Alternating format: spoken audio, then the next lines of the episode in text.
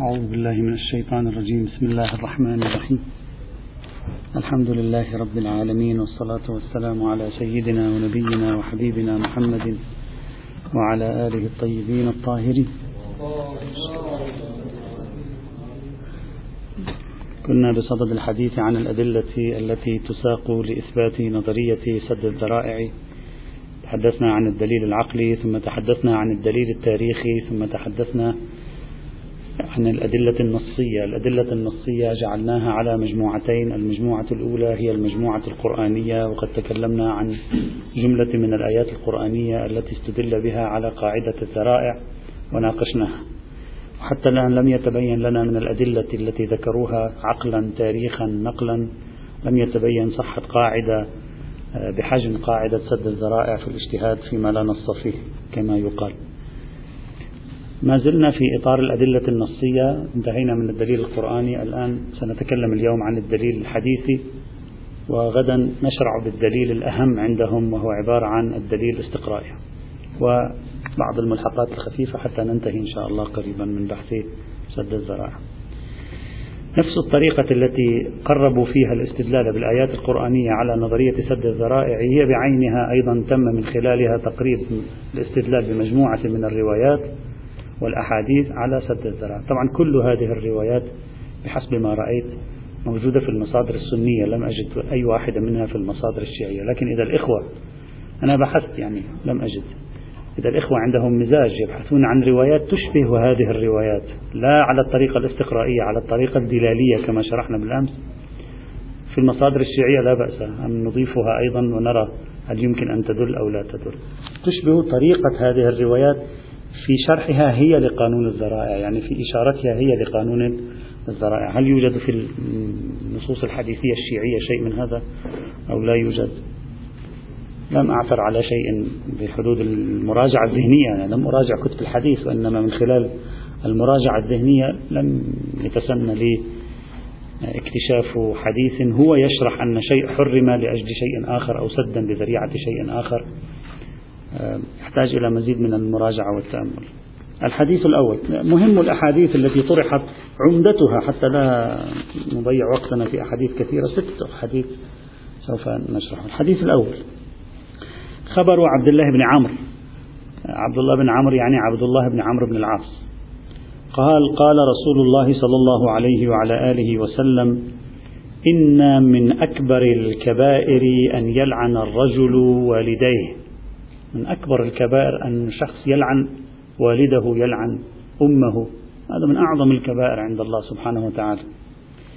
قيل يا رسول الله وكيف يلعن الرجل والديه؟ يعني كأنما ظاهرة شبه نادرة. يعني ما متعارفة خاصة في المجتمعات العربية. من الصعب أن واحد يتمرد على والده بهذه السهولة يعني.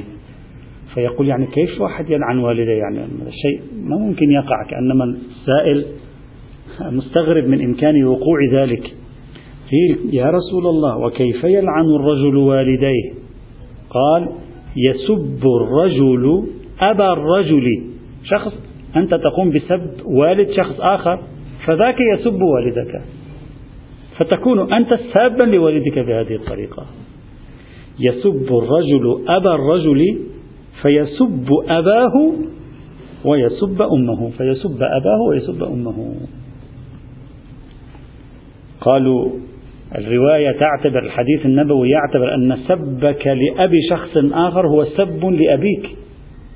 ولا معنى لذلك إلا تحريم من باب سد الذرائع لأن الحرام هو سبك لوالدك هذا عقوق. وإنما حرم عليك سب شخص آخر سدا لذريعة أن يسب شخص آخر والدك فتتحمل أنت النتيجة. فعلك تتحمل أنت نتيجته اللي هو سب والدك. وهذا هو سد الذرائع يعني حرم سبك لوالد شخص آخر سدا لذريعة أن يسب شخص آخر والدك. فإن سب شخص آخر والدك وقع المحذور. فهذا من باب سد الذرائع. هذا من الأحاديث المشهورة التي يستخدمونها يستخدمها الذرائعيون لإثبات أن ذهنية المشرع هي ذهنية سد الذرائع. حديث وارد في مصادر متعددة سنية من بينها صحيح البخاري. هذا الحديث الأول. نحن نذكر الأحاديث بعدين نعلق التعليقات الإجمالية. الحديث الثاني. خبر عائشة قالت قال لي رسول الله صلى الله عليه وعلى آله وسلم. هذا الحديث الثاني وارد في عدة مصادر أيضا من أهمها صحيح مسلم. قال لي رسول الله صلى الله عليه وعلى آله وسلم لولا حداثة عهد قومك بالكفر يعني لولا أن القوم حديثو عهد بال يعني بالكفر يعني بالأمس القريب كانوا كفرة بالأمس القريب كانوا كفرة لا يتحملون لنقضت الكعبة ولجعلتها على أساس إبراهيم يعني لهدمت الكعبة وأعدت بناءها على خارطة البناء الإبراهيمية. لولا أنهم بالأمس القريب كانوا كفارا لفعلت ذلك. طيب ليش ما تفعل الآن؟ لأن بالأمس القريب كانوا كفار إذا فعلت ذلك يثقل عليهم يثقل جدا عليهم فينتفضون علي قد يعيدون النظر فيه. قل لولا حداثة عهد قومك بالكفر لنقضت الكعبة ولجعلتها على أساس إبراهيم فإن قريشا حين بنت البيت استقصرت يعني لم تبنيه كاملا.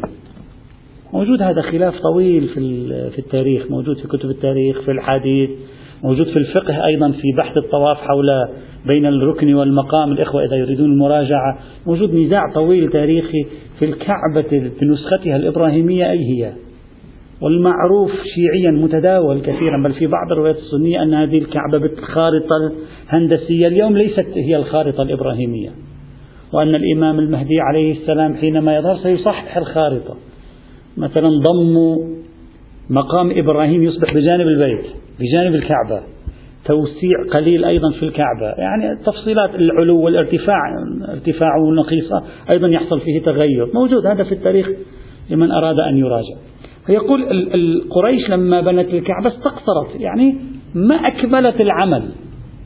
قصرت من الكعبة إما قصرت طولا إما قصرت من حيث العرض من حيث المساحة. المهم ليس على الشكل الذي كان على بناء إبراهيم. يعني يعني كأنما على بناء إبراهيم هو أمر منصوص إلهي. هكذا مفروض الرواية هكذا. يعني أن الكعبة بمساحتها ومقدراتها أمر منصوص إلهي. لا يجوز التعدي عنه. أمر تعبدي. وبالتالي أي بناء مختلف للكعبة هذا فيه مشكلة مشكلة عظيمة. طيب يقول هذا سد الذرائع.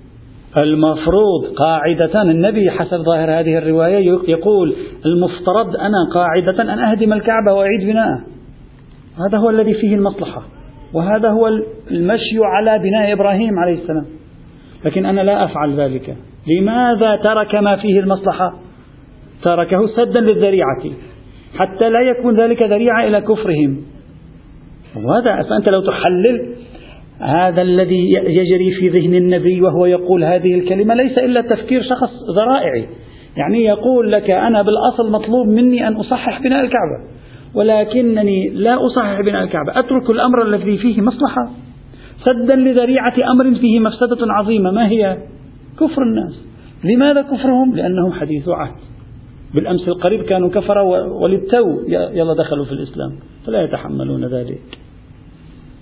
فيقول هذا يدل على سد الذرائع الحديث الثالث خبر جابر بن عبد الله الأنصاري يقول غزونا مع النبي صلى الله عليه وعلى آله وسلم رحنا في غزوة وقد ساب معه ناس من المهاجرين حتى كثروا. كان في في العود كان في ناس كثير من المهاجرين. وكان من المهاجرين رجل لعاب يمزح كثير يعني يثقل على الناس بمزاحه وبتصرفاته السلوكية غير الصحيحة. وكان من المهاجرين رجل لعاب فكسع أنصاريا. كسع أنصاريا يعني عندما يضرب شخص بيده أو برجله مؤخرة شخص آخر. هذا يقال عنه في اللغة العربية كسع هو يريد يمزح معه. ليس بيده برجله. المهم ضرب على مؤخرة واحد من المهاجرين مزاحا جدا لا أدري. هكذا يقول. وكان من المهاجرين رجل لعاب فكسع أنصاريا. فغضب الأنصاري غضبا شديدا. حتى تداعوا تداعوا ما معنى تداعوا يعني كل واحد دعا قومه. الآن هي الرواية نفسها تشرح التداعي. وقال الأنصاري يا للأنصار. يعني أين الأنصار يهبوا يساعدونه وقال المهاجري يا للمهاجرين. يا للمهاجرين. وين المهاجرين يساعدونه فخرج النبي صلى الله عليه وعلى آله وسلم ما بال دعوى أهل الجاهلية؟ هذا ثقافة الجاهلية. اي وين مثل اليوم؟ وين العرب يطلعوا؟ وين الفرس يطلعوا؟ وين الكرد يطلعوا؟ وين الترك يطلعوا؟ نزعات القومية هذه هي. كل واحد ليس هذا فقط أحزاب لأن هذه ليست قوميات أحزاب. وين الحزب الفلاني وجماعتنا يطلعوا؟ أنا منهم. وذاك يقول وين الحزب الفلاني وجماعتنا يطلعوا؟ يناصروني أنا منهم. هذه نفس العقلية. يقول ما بال دعوى أهل الجاهلية؟ ثم قال ما شأنهم؟ فأخبر بكسعة المهاجر للأنصار. قال فقال النبي صلى الله عليه وعلى آله وسلم دعوها فإنها خبيثة. في رواية أخرى قصة شبيهة بها تقريبا هي نفسها فإنها منتنة. الفتنة الفتنة منتنة خبيثة.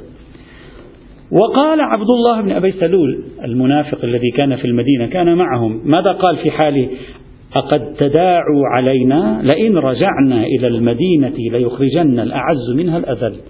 يعني بما أنهم طلبوا نصرتنا هذا الأنصاري طلب نصرتنا أو هذا المهاجر الأنصاري مفترض طلب نصرتنا. الآن ماشي لكن لما نرجع للمدينة هناك سوف نعرف ماذا نفعل. هم عندنا نحن نحن الأعز في المدينة نحن نخرجهم.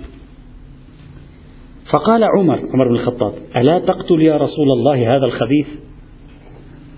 خلص خلص خلص منه نقتله. الآن سد الذرائع النبي يفكر الآن براغماتيا سد ذرائع يعني. ولذلك بين قوسين بعضهم يقول الإمام علي لم يكن براغماتيا في عمله السياسي. النبي كان براغماتي منفعي يعني يدير الأمور بالسياسة. الإمام علي كان لا لا يدير هذه السياسة وبعضهم لديه تحليلات في هذا. فقال عمر ألا تقتل يا رسول الله هذا الخبيث؟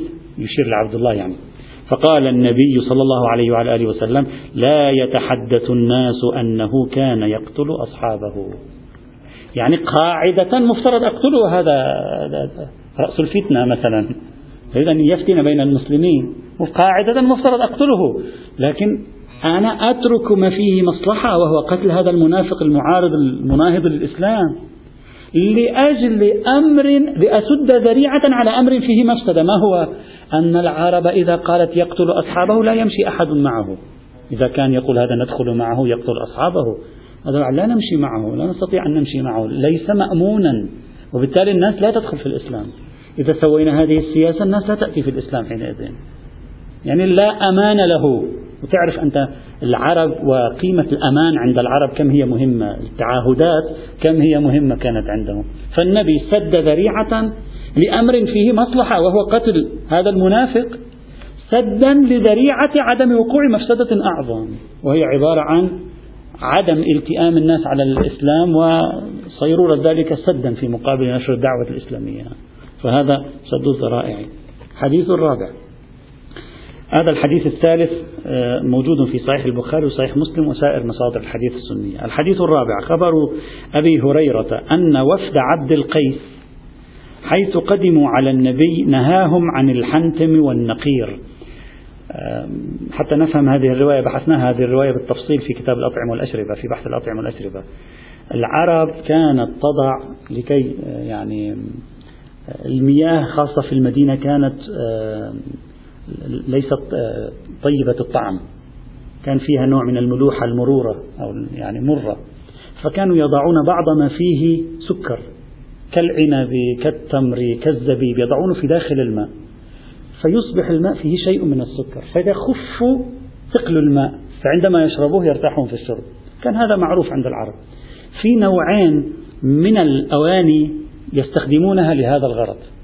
نوع ثوابت وأحجامها كبيرة ونوع غير ثابت وأحجامها صغيرة. ثوابت هذا الحنتم والنقير والمزفت وأمثالها. قدر آنية كبيرة يضعون فيها مياه ثم يضعون فيها كمية كبيرة مثلا من التمر وحتى هذه لا تستهلك بسرعة. هذا لأن حجمها كبير. أنت تضعها في البيت. حتى تستهلكها يمر خمسة أيام وعشرة أيام وعشرين يوم ربما حتى تنتهي من استهلاك هذا الماء. فهذا يحصل فيه تأكسد وتخمير. فيصبح مسكرا بعد أيام. النبي نهى عن الأنبذة التي مثل هذا. وأجاز لهم أنبذة مثل هذا الذي يستخدمونها السقاء التي يستخدمونها في شرب الماء العادية التي يشرب منها الماء من جلد الماعز وأمثاله. قال هذه لا بأس. ما مشكلة. لكن تلك لا. لماذا؟ لأن هذه إذا وضعت فيها عادة 24 ساعة تكون قد شربتها أنت وأهل بيتك يعني. لن تبقى معك أياما. فلا يحدث فيها التفاعل الذي يؤدي إلى حصول السكر فيها. فنهى عن هذه وأجاز هذه. الآن الرواية تتكلم عنها. تقول نهاهم عن الحنتم والنقير والمزفة إلى وقيل يبدو أن أن أن هذا الرواية فيها شوية من التركيب العجيب.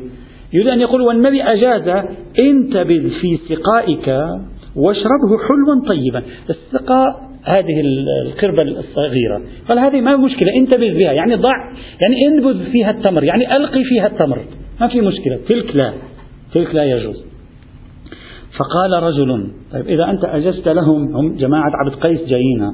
قال لهم الحنتم والنقير ممنوع. هذه مقبول. جاء رجل من المسلمين ليس من عبد قيس كان جالس بجانب النبي وسمع الحوار. قال له أنا في مجال أنه أستخدم هذه أيضا أضع من ال... في هذه القربة؟ قال له لا ما قبل النبي منه. فقال رجل يا رسول الله ائذن لي في مثل هذه. فقال إذا تجعلها مثل هذه. قال له أنا بعرفك يعني. إذا أنت أسمح لك أن تستخدم القربة فأنت تقوم بوضعها في شيء أكبر من حجم القربة. فأنت غير مسموح لك أن تنبذ حتى في القربة.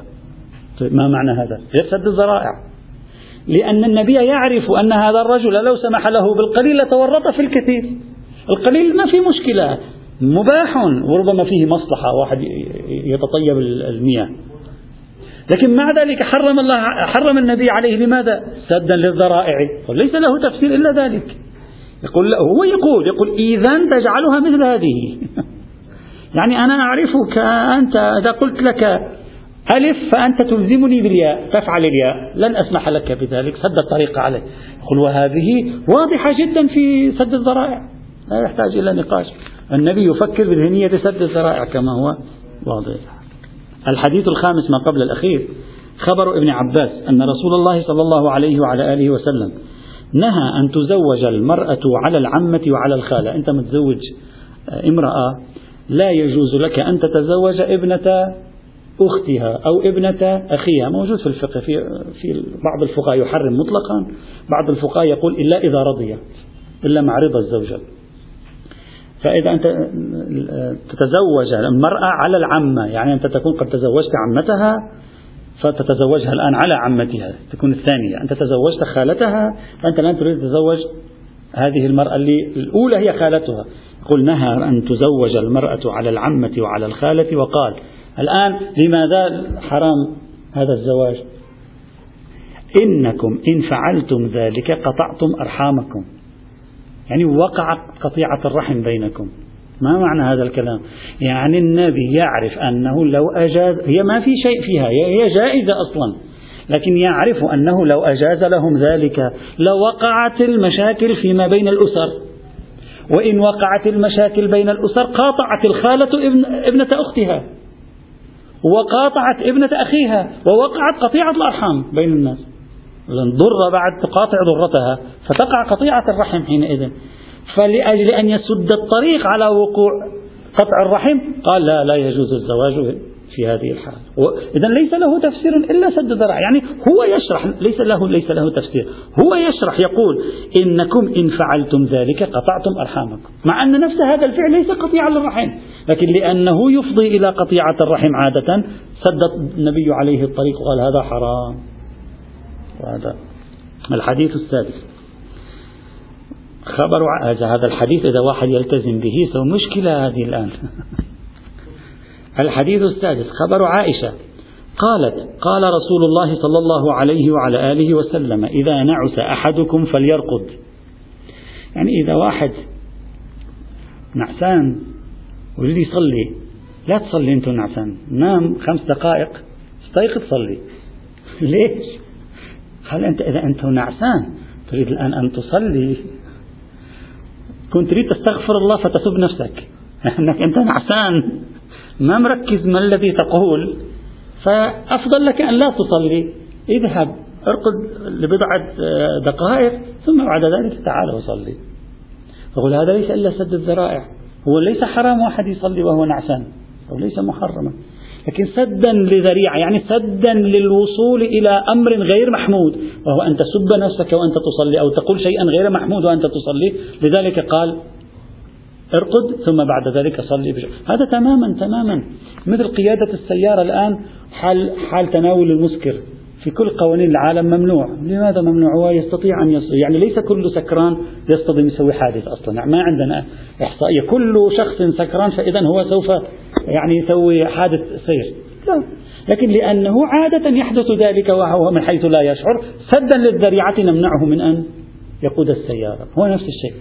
سدا للذريعة نمنعه وهو لا يلتفت إلى ما يقول نمنعه من أن يصلي وهو نعسان. قال إذا نعس أحدكم فليرقد حتى يذهب عنه النوم. فإنه إذا صلى وهو ينعس لعله يذهب يستغفر فيسب نفسه. قالوا هذه الأحاديث الست يعني هذه عمدة الأحاديث الموجودة على المستوى الحديثي. هذه الأحاديث الست مجموعها يدل على أن النفس النبي يقوم بربط فعل بفعل آخر. الثاني محرم فيحرم الأول كي لا يقع الثاني. وليس هذا سوى سد الذرائع. هذا هو الدليل الحديثي عندهم. يضاف إلى ذلك النصوص الموجودة عند السنة والشيعة والتي تدل على الاحتياط خوفا من الوقوع في الشبهات وأنه من حام حول الحمى أوشك أن يقع فيها وأن محرمات الله هي حمى الله وعليك أن تحتاط فيها فلا تقترب منها كي لا تقع فيها. ما معنى ذلك؟ معناه لا تقترب من الحرام سدا للذريعة يعني حتى لا تقع في الحرام. أصلا كل روايات الاحتياط والاحتياط عند الشبهة وأمثاله مرجعها إلى سد الذرائع. نحن لم نلتفت إلى أن نكتتها سد الذرائع لكن نكتتها في الحقيقة سد الذرائع. فأنت تسد الذريعة تقول له احتاط حتى لا يقع في الحرام وهو, وهو يحسب نفسه أنه لا يقع في الحرام. فإذا مجموع هذه النصوص الست أو الستة إضافة إلى روايات الاحتياط عند الشبهات يعطي نتيجة أن الأحاديث تدل على قاعدة سد الذرائع هذه هي النصوص التي يمكن أن تستخرج من كلماتهم وكتبهم خاصة في كتاب إعلام الموقعين لابن قيم الجوزية وفي كتاب الاعتصام للشاطبي وكذلك في كتاب الفتاوى الكبرى لابن تيمية وكذلك القرطبي في تفسيره. مجموع هذه النصوص التي قرأناها الآن متناثرة استدل بها من قبل هؤلاء ومن تبعهم بعد ذلك لإثبات قاعدة سد الذرائع. طبعا أنا هنا حذفت الاستدلال الاستقرائي. كما قلنا في, في, في الأمس عند النقد ما ذكره سيد محمد تقي الحكيم. قلنا ما ذكره سيد محمد تقي الحكيم في إشكاله عليهم كان خلطا بين الدليل القرآني وبين الاستقراء. نحن هنا فقط نأتي بالروايات التي هي تقوم بالكشف عن الربط الذرائعي لا بالروايات التي تعطي حكم ونحن نستنتج الذرائعية من وراء الحكم. هذا لا علاقة لنا به هذا يأتي في الدليل الاستقراء الذي ساقه ابن قيم الجوزية. نحن الآن فقط مع الدليل الحديثي فيرجى عدم الخلط بين الموضوعين كما شرحنا في الدرس الماضي. هذه الأحاديث الستة وما لحق بها يمكن تسجيل مجموعة من الملاحظات عليها. أهم هذه الملاحظات ما يلي؟ الملاحظة الأولى ما ذكره بعض الباحثين المعاصرين من أهل السنة. قالوا الحديث الأول والحديث الخامس لا ربط لهما بقاعدة سد الذرائع يعني بالاجتهاد الذرائع. الحديث الأول ماذا كان؟ سب الرجل لأبي الرجل وذاك يقع في مسبة أبيه. هذا الحديث الأول كان. الحديث الخامس كان موضوع الزواج على العمة أو الخالة. يقول هذين الحديثين أو هذان الحديثان اللذان استدل بهما على قاعدة سد الذرائع. لا يدلان على قاعدة سد الذرائع. لماذا؟ قال لأننا في قاعدة سد الذرائع إذا تذكرون أصل الفعل الذرائعي مباح. أصل الفعل الذرائعي فيه مصلحة حتى أحيانا.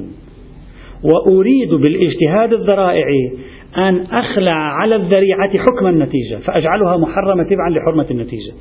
هنا سب الرجل لأبي الرجل الثاني حرام. أنت تسب أبا الرجل الثاني هذا فعل حرام. هذا خارج عن بحث قاعدة الذرائع. لأنه في نفسه محرم. مفروض قاعدة الذرائع أن الفعل المسمى بالذريعة مباح أو فيه مصلحة. وأريد بقاعدة الذرائع إعطاء حكم الحرمة أو إعطاء حكم الوجوب سدا للذرائع أو فتحا للذرائع. هكذا قلنا. هنا هو محرم في حد نفسه. موضوع الذرائع أصلا منتف هنا. لا معنى الاستدلال بهذه الرواية إطلاقا. إلا أنه الحق والإنصاف على مستوى الرواية الأولى. المستشكل هنا لم يلتقط جوهر الاستدلال الذي طرحه المستدل مثل ابن قيم الجوزية هنا. ليست القضية قضية أن الفعل في نفسه حرام والآن هل يراد خلع صفة التحريم عليه لأنه ذريعة؟ هذا تحصيل حاصل من المفروض أنه حرام. ليست هنا نكتة استدلال المستدل. نكتة استدلال المستدل أن النبي جعل سبك لأبي الطرف الآخر سبا منك لأبيك يعني نزل صفة النتيجة على المقدمة. هنا جوهر التفكير الذرائعي عند المستدل. يعني لم يقل هو حرام. هو حرام هو حرام. من الأصل حرام. لأن السب أباء الناس حرام. لكن قال ليس هو حرام فقط.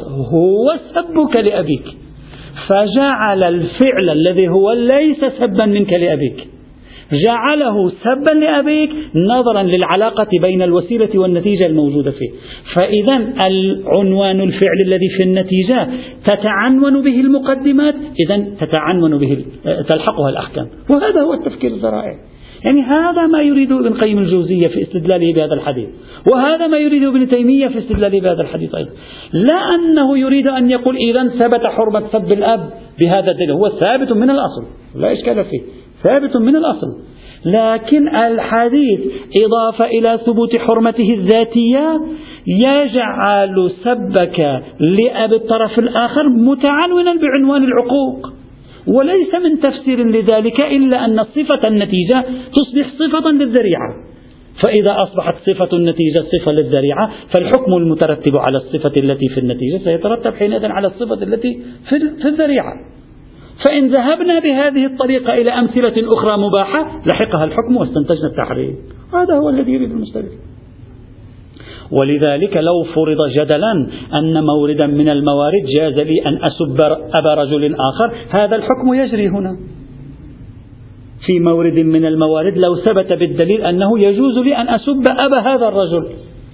مع ذلك هذه الرواية تجري هنا لأن هذه الرواية روحها الربط بين النتيجة والوسيلة وهذا هو التفكير الذرائع لا أكثر ولا أقل كما قلنا سابقا.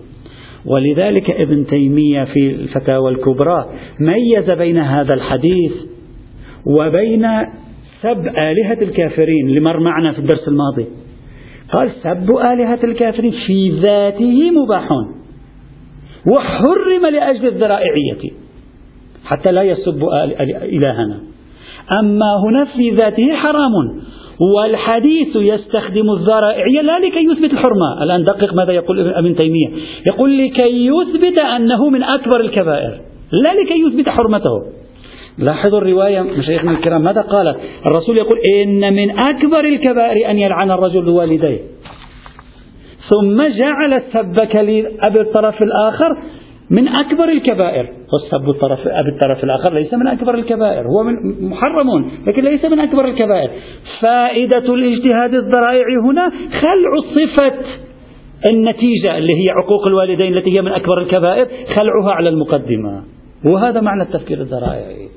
إذا الإيراد على الحديث الأول أنه لا يدل على التفكير الذرائعي غير واضحين كذلك الحال مثلا في الحديث الخامس. كذلك الحال في الحديث الخامس. النبي عندما قال بأنهم قطعوا أرحامهم هو سد للذريعة باعتبار أنه إذا تزوج الرجل ابنة أخت زوجته عادة سيؤدي إلى الخصام العائلي بين البنت وخالتها. فإذا هو سيفضي إلى محرم وهو قطع الرحم. سدا للذريعة نحرم هذا الزواج. وهذا نفس الطريقة أيضا. وبالتالي هذا الإشكال لا يريد هذا الإشكال الأول على الاستدلال بهذه المجموعة الحديثية على آه، الاجتهاد الذرائع. الإشكال الثاني. بلي؟ آه مستشكل. المستشكل. أسماء الشعوب تختلف و و وقد نقع في محظور التهجئة والتحريك. والإخوة من من المملكة العربية السعودية يساعدوننا. سعود بن ملوح سلطان العنزي. صحيح قلت شيخنا؟ آه صحيح. عنده كتاب اسمه سد الذرائع عند الإمام ابن قيم الجوزية وأثره في اختياراته الفقهية. إذا هذا الإشكال غير صحيح. الإشكال الثاني أو ثانيا. بعض النصوص ما نضيفه هنا. بعض النصوص المتقدمة التي استدل بها مثل الحديث الثاني والثالث لا علاقة له بقاعدة الذرائع بوصفها قاعدة مستقلة. وإنما هو تابع لقاعدة التزاحم. وقد شرحنا سابقا التمييز بين قاعدة الذرائع وقاعدة التزاحم والتمييز بين قاعدة الذرائع وقاعدة المصلحة المرسلة والتمييز بين قاعدة الذرائع والسلسلة من القواعد المتشابكة معا. وقلنا بأن قاعدة التزاحم أخص بكثير من قاعدة الذرائع. الحديث الثاني والثالث هذا من تطبيقات قاعدة التزاحم لا من تطبيقات قاعدة الذرائع. يعني هي ذرائعية بدائرة ضيقة. فيصبح الدليل أخص من المدعى. هذا الذي أريد أن أقوله. الآن لاحظوا الحديث الثاني ماذا كان يقول؟ قرأناه. قصة لا يتحدث الناس أنه كان يقتل أصحابه. النبي لم يقم بقتل المنافق. حذرا من أن يكون ذلك سدا أمام إيمان الناس بدعوته. وهذا تزاحم. هذا فيه مصلحة أكيدة. هذا ممكن أن يكون واجبا. هذا ممكن أن يكون ضروريا. ويريد أن يفعله النبي. ولا يمكن أن يمتثل هذا الحكم. وفي الوقت عينه يمتثل حكما آخر وهو دعوة الناس إلى الإسلام. النبي الآن أمام تزاحم امتثالي. هو يريد أن يمتثل حكمين. الحكم الأول فتح الباب أمام الناس لكي يدخلوا في الإسلام وعدم خلق موانع أمامهم. الحكم الثاني قتل المنافق. ولا يمكن أن يجمع بينهما. فرجح ما هو أهم على ما هو مهم. وهذا قاعدة التزاحم. إذا هذا ثبت يثبت الاجتهاد الذرائعي التزاحمي لا مطلق قاعدة الاجتهاد الذرائعي والتزاحم يؤمن به حتى الإمامية والظاهرية الذين لا يؤمنون بالاجتهاد الذرائعي فالاستدلال دليل أخص من المدعى. هذا مثلا الحديث الثالث. الحديث الثاني لولا حداثة عهد قومك بالكفر لنقضت الكعبة ولجعلتها على أساس إبراهيم. هو عنده تكليفين شرعيين. تكليف شرعي أن يحمي إيمان الناس وأن يحافظ على إيمان الناس ولا يثقل عليهم بما يوجب خروجهم عن الدين. هذا تكليف شرعي مكلف هو به. وفي وقت عينه عنده تكليف شرعي آخر وهو إعادة بناء الكعبة على الأساس الإبراهيمي. تزاحم. لا يمكن أن يفعلهما معا. إذا فعل هذا صد الناس عن الدين والصد عن الدين مشكلة. إن فعل ذاك لم يستطع أن يهدم, أن يهدم الكعبة ويعيد بناءها. تزاحمت الأمور أمامه. ليس هذا مطلق سد الذرائع هذا عينة خاصة من عينات سد الذرائع. فإذا استدلال بهذين الحديثين أخص من المدعى كما هو واضح. فينبغي حذفهما من البحث هنا قاعدة التزاحم ليست محل نقاشنا في هذا الإطار. ولذلك الإمام النووي المتوفى 676 للهجرة في شرحه على صحيح مسلم بماذا يعلق على الحديث الثاني على حديث عائشة في موضوع هدم الكعبة. يقول وفي هذا الحديث دليل لقواعد من الأحكام. يعني يستنتج من هذا الحديث عدة قواعد أصولية. منها إذا تعارضت المصالح أو تعارضت مصلحة ومفسدة. إذا ماذا فهم النووي من هذا الحديث؟ تزاحم المصالح والمفاسد سماها تعارض هو. بالمعنى اللغوي. تعارض وتزاحم المصالح والمفاسد. وليس له علاقة بمطلق قاعدة سد الذرائع. لا يمكنه امتثال التكليفين معا. هذا ثانيا. ثالثا الحديث الخامس الذي هو عبارة عن قصة الزواج من ابنة الأخت مع أنك أو ابنة الأخ مع أنك متزوج من عمتها أو متزوج من خالتها. قد يناقش فيه على طرائق التفكير الأصول الإمامي. رح مناقشة على طريقة التفكير الأصول الإمامي وبعدين سوف أجيب عن هذه المناقشة. قد يقال هذا ليس من باب سد الذرائع. من باب ماذا؟ من باب الحكومة. أصلا الزواج بابنة أخت الزوجة أو بابنة أخي الزوجة ليس قطعا للرحم حقيقة وواقعا ولكن الشريعة نزلته منزلة قطع الرحم. والمقصود من التنزيل اعتباره من الكبائر والمحرمات. تنزيل الصلاة بالبيت طواف. ليست الصلاة بالبيت طواف لكن تنزيل. هدف من التنزيل إجراء الأحكام. الممكنة أحكام الصلاتية الممكنة إجراؤها على الطواف كالطهارة وإلى آخره. هو نفس الشيء. هو في ذاته ليس قطعا للرحم. واحد تزوج آه، امرأة وابنة أختها ليس قطعا للرحم. حقيقة وواقعا ليس قطعا للرحم. لكن نزل منزلة قطع الرحم. إذا نزل منزلة قطع الرحم بعد لا معنى على قانون الحكومة لا معنى للحديث عن سد الذرائع أصلا أخرجنا الحديث من قانون سد الذرائع قد يقول شخص ذلك. إذا يفكر بطريقة الاجتهاد اجتهاد الحكومة. إلا أن هذا بصرف النظر عن بحث أصل نظرية الحكومة هي صحيحة غير صحيحة منطقية غير منطقية إلى آخره طبعا نظرية الحكومة بالمناسبة ليست شيعية كما نتصور. ليست شيعية فقط كما نتصور نظرية الحكومة موجودة في الاجتهاد السني بتعابير بل وجدت لها حضورا في بعض تعابير القانونيين أنفسهم بنفس كلمة حكومة أصلا. وهذا مما فعلا أدهشني في إحدى المعاجم القانونية على أي حال. المهم هذا يحتاج إلى بحث تاريخي معمق متى ولدت الفكرة وبأي مصطلح ولدت كيف تطورت وعندما وصلت إلى الشيخ الأنصاري اللي هو رب النوع للحكومة الشيخ الأنصاري هو رب نوع الحكومة. الحكومة كيف هل كانت قبله؟ ما كانت قبله؟ هل ما طرحه الشيخ الأنصاري أثر في الاجتهاد السني في مكان ما؟ أخذه القانونيون في مكان ما؟ أو بالعكس صار أو لا كل واحد على حدة كان يتحرك. لا بأس بحث جميل هذا. يستحق أن تكتب فيه مقالة أصلا مستقلة لمن عنده تتبع ومزاج. لكن الحق والإنصاف هنا بصرف النظر عن أصل نظرية الحكومة وحدود نظرية الحكومة. الحق والإنصاف في مثل هذه الموارد. المرجع هو الفهم العرفي لأن الحكومة ليست سوى مرجعية فهمية عرفية في تعاطي في التعاطي ما بين النصوص في علاقاتها ببعضها. والعرف هنا عندما يتلقى هذه الصورة ينصرف إلى الذرائعية.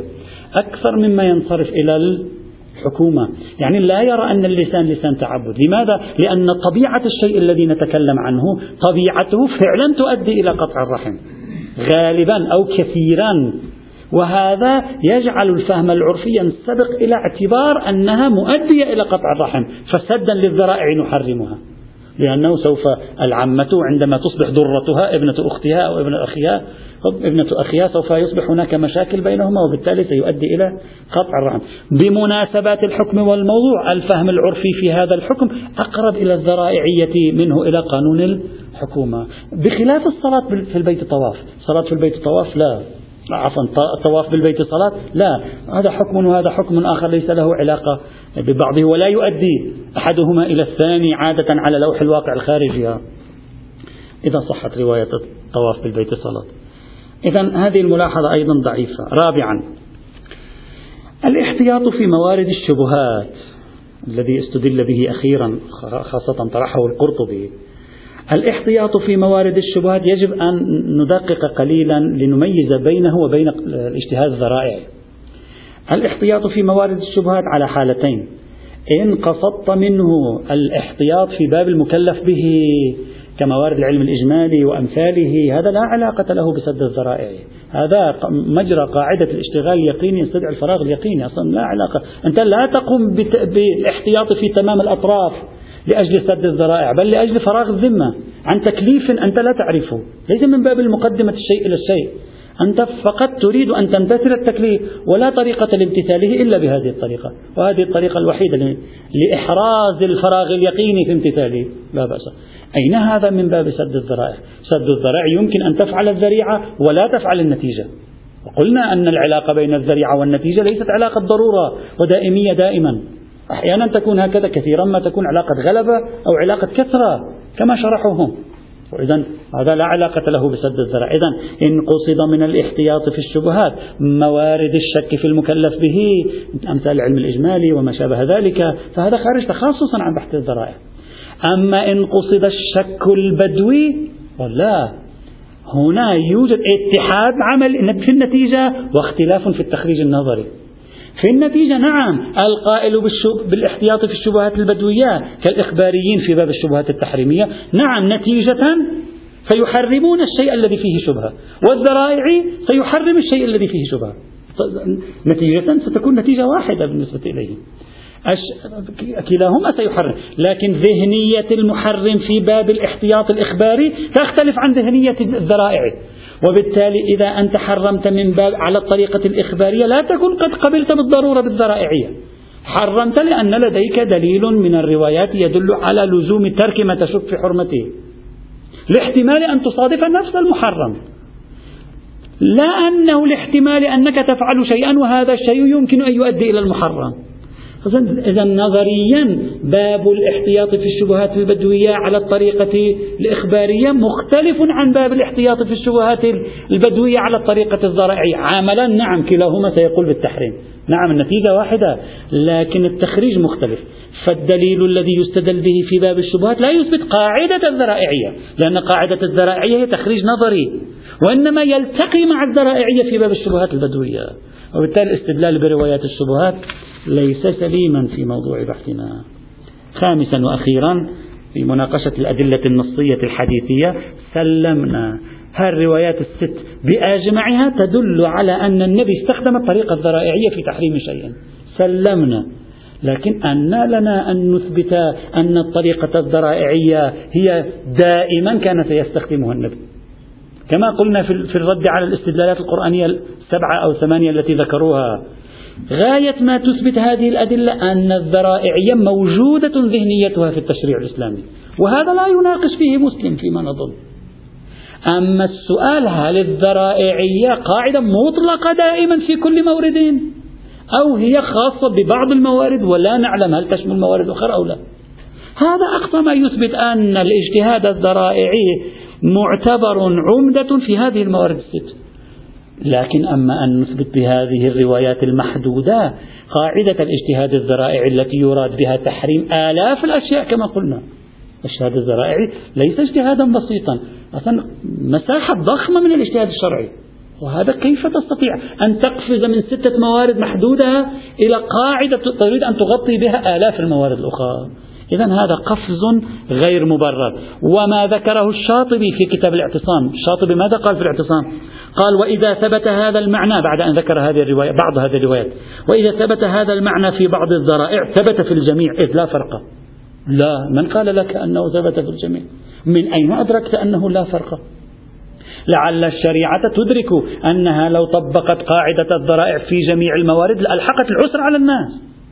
كما قال السيد الصدر في موضوع جريان قاعدة الاحتياط في باب دليل الانسداد. قال إذا استخدمت الاحتياط على المستوى المجتمعي سيؤدي إلى إرباك حياة الناس. ولعل الشريعة قبلت بإجراء قانون الذرائع في بعض الموارد التي هي اختارتها لعلة هي تعرفها وفي سائر الموارد لم تقبلها ولو لأجل منع وقوع الناس في العسر والحرج. ومن أين لك أن تقول إذا لا فرق؟ من أربع خمس موارد تريد أن تعمم إلى آلاف الموارد الأخرى. إذا فما ذكره الشاطبي رحمه الله في كتاب الاعتصام من تعميم الاستدلال بهذه الروايات المحدودة إلى مطلق قاعدة الذرائع أصلا لا أجد له تبريرا منطقيا في ذهني. وعليه نتيجة الاستناد للنصوص القرآنية التي مرت معنا سابقا والحديثية. لو ثبت أن هذه الأحاديث صدرتها نحن لم نبحث لا في أسانيدها ولا في غيره لو ثبتت أنها صدرت. الاستناد خاصة على مثل مسلكنا في حجية خبر الواحد عدم حجية خبر الواحد.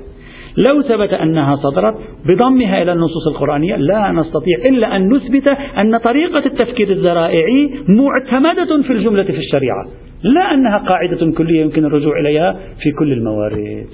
وهذا ما يريده الذرائعي الدليل الأخير والأهم الاستقراء.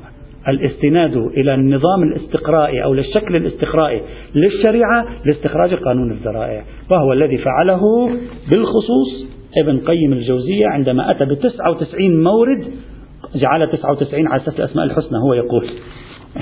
أتى ب 99 وإلا هو يقول مئات موجود أخرى.